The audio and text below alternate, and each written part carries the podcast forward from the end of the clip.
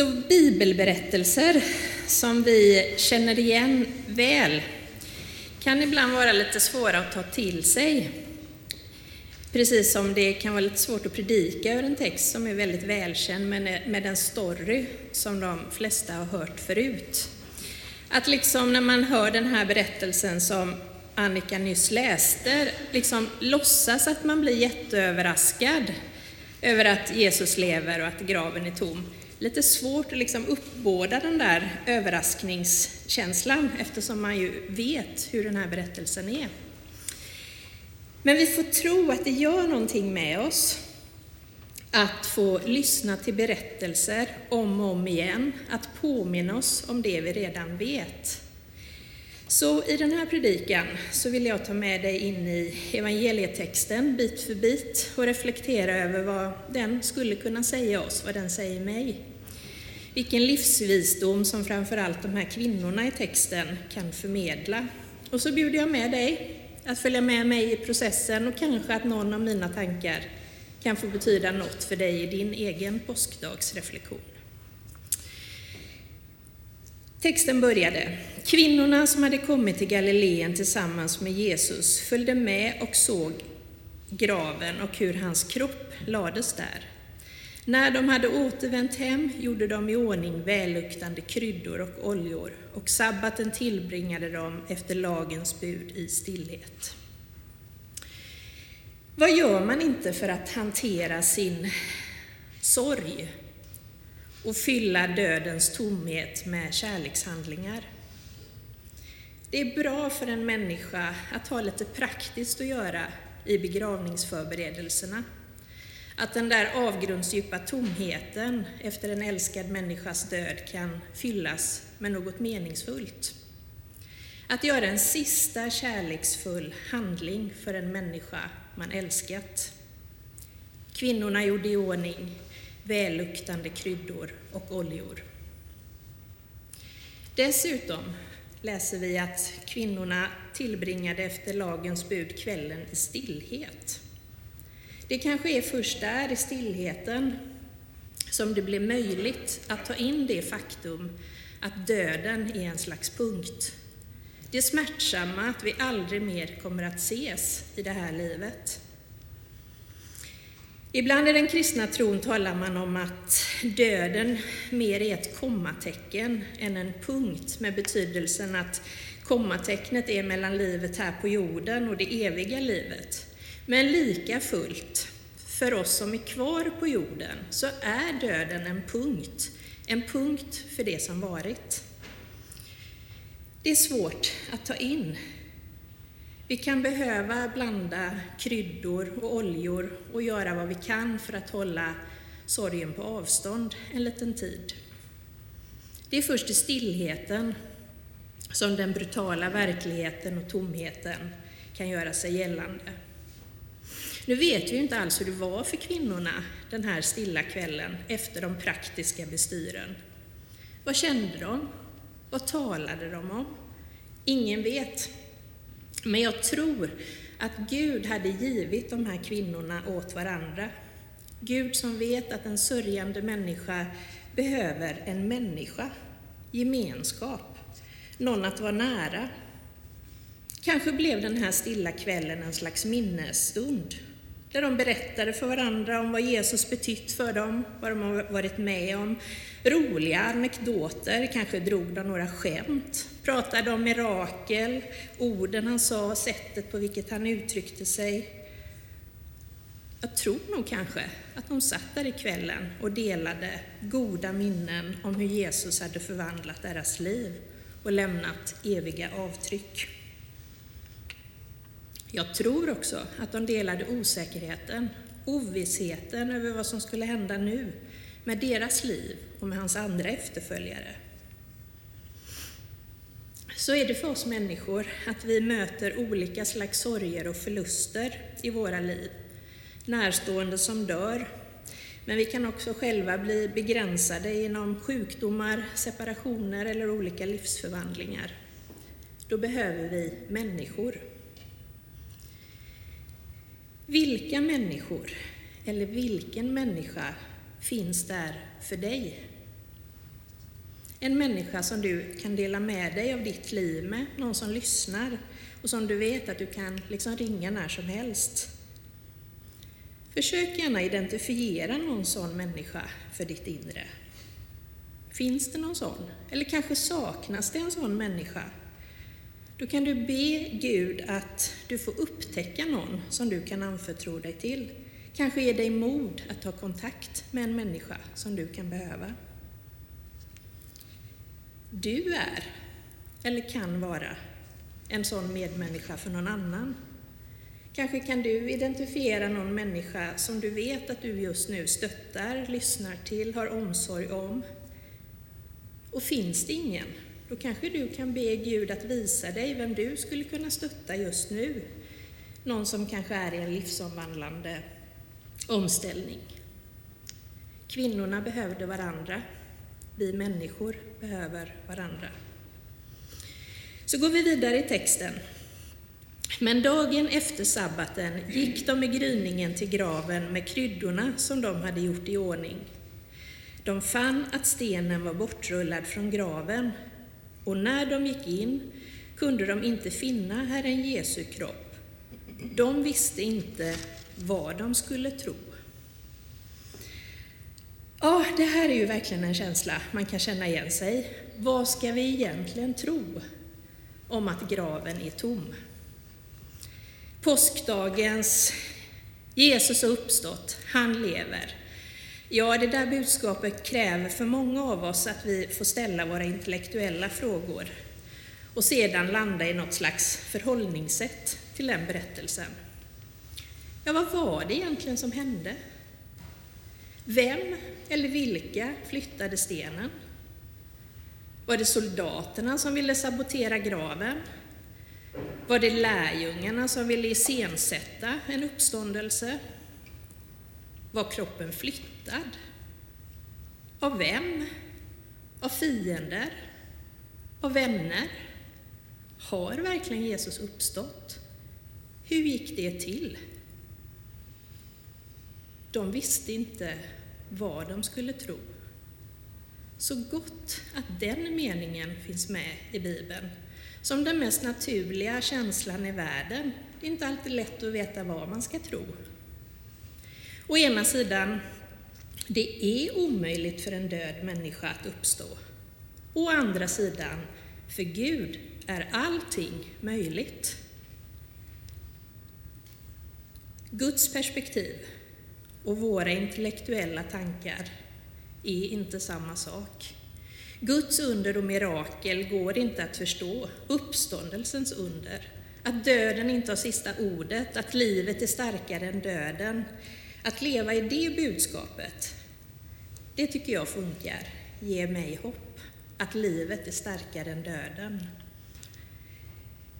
Det betyder något för livet att veta det, och det räcker för min tro. Och så fortsätter vi i texten. De visste alltså inte vad de skulle tro. Men då stod där två män i skinande kläder framför dem. Kvinnorna blev förskräckta och sänkte blicken mot marken, men männen sa till dem varför söker ni den levande här bland de döda? Han är inte här, han har uppstått. Kom ihåg vad han sa till er medan han ännu var i Galileen, att Människosonen måste överlämnas i syndiga människors händer och korsfästas och uppstå på tredje dagen. Då kom de ihåg hans ord.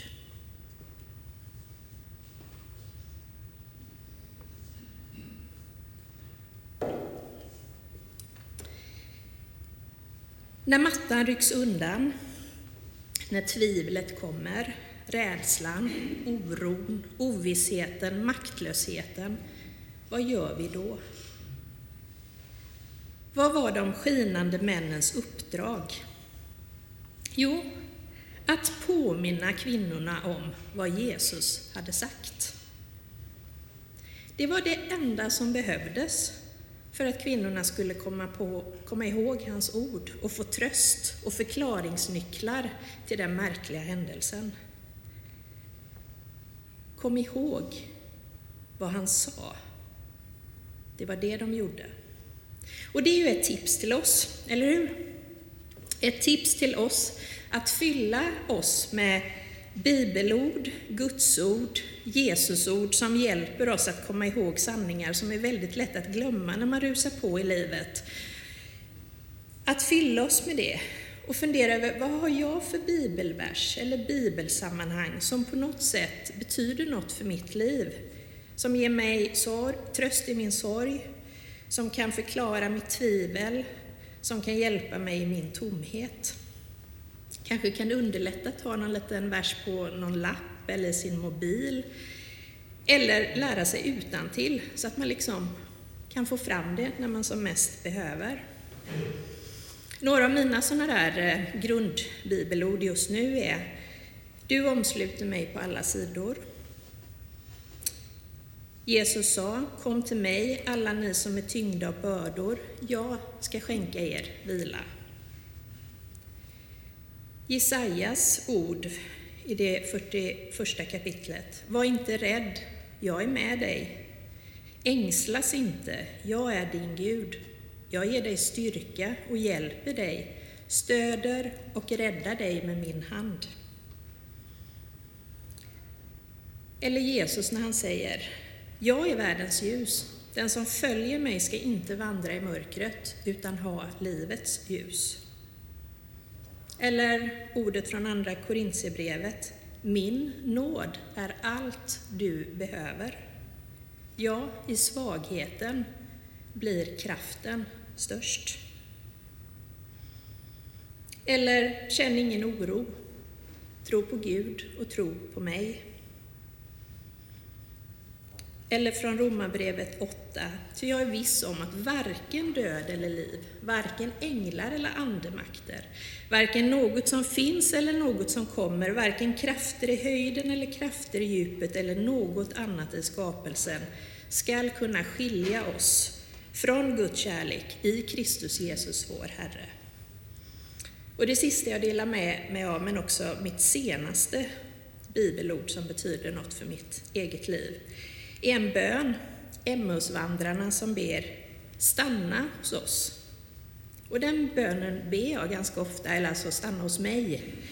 Och då vet jag Jesus svar. Han följde med in och stannade hos dem. Vad har du för ord som kan påminna dig om vem Gud är och vad Jesus har sagt? Ibland kan vi få en, behöva få en påminnelse vad som är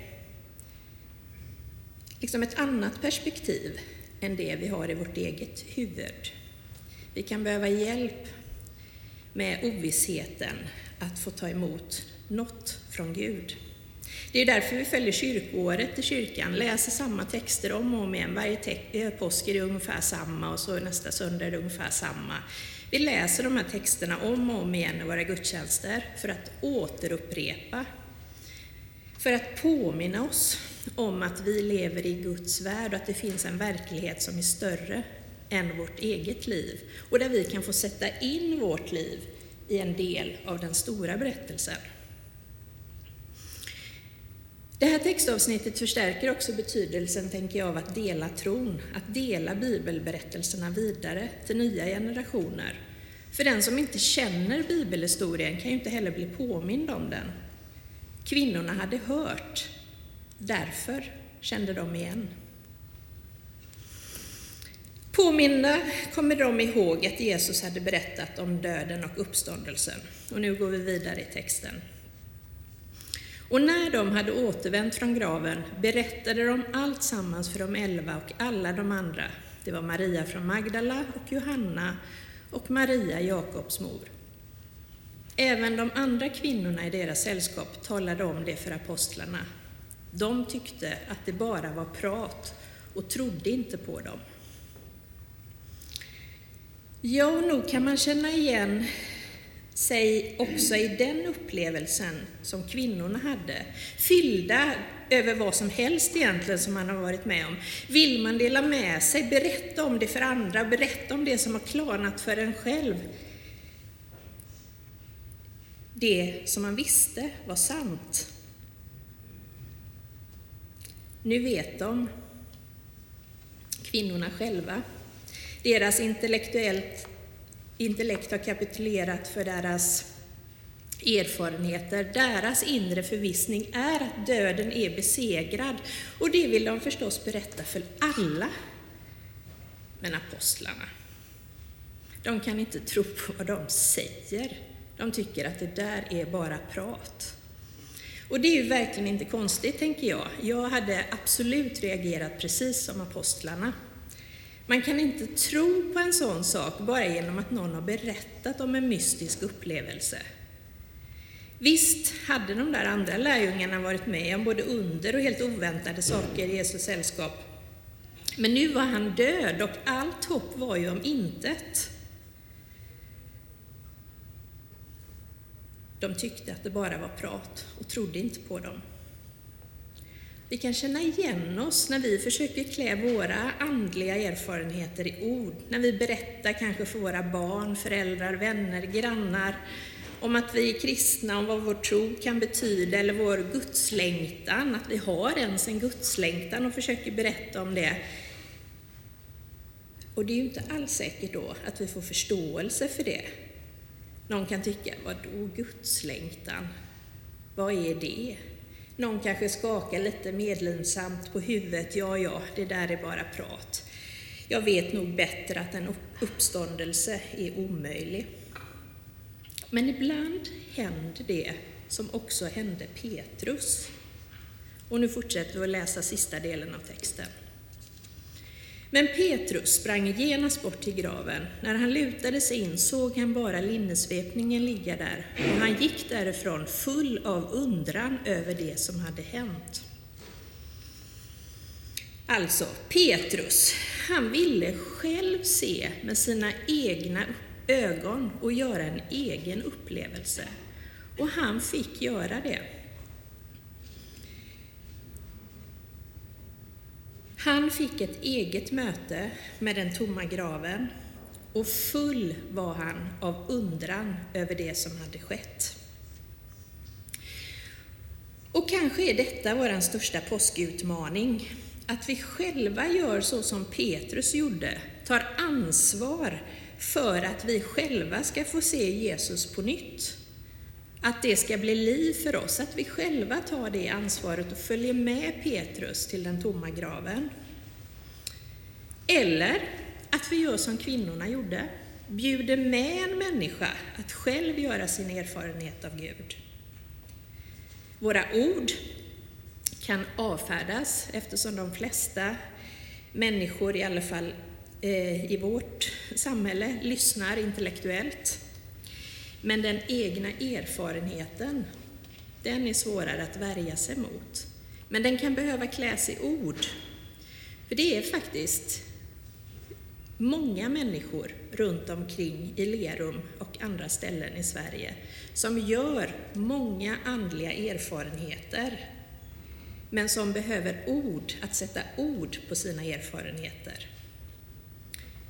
Det behövs ord för den gudskontakt som väldigt många människor har. Hur började kvinnorna, apostlarna och Petrus vänskap med Jesus? Kommer ni ihåg? Hur började deras vänskap? Kommer ni ihåg? Jo, just det. Han sa ”Följ mig”. Så följde de, fick se med egna ögon, fick göra ett eget möte med Jesus, förstå hur han kan förvandla också en vanlig människas liv. Och när de själva hade sett honom bjöd de andra med. Ja, men hallå, kom, följ med, följ med och se. Precis så som kvinnorna gjorde. De bjöd Petrus till graven. Han sprang dit. Han fick själv se graven och förstå att Jesus lever. Ja, det är denna kallelsen som också gäller oss påskdagen 2022. Att i livets väldigt olika skeenden själv följa Jesus och försöka upptäcka honom på nytt och bjuda med andra på den vägen. Amen.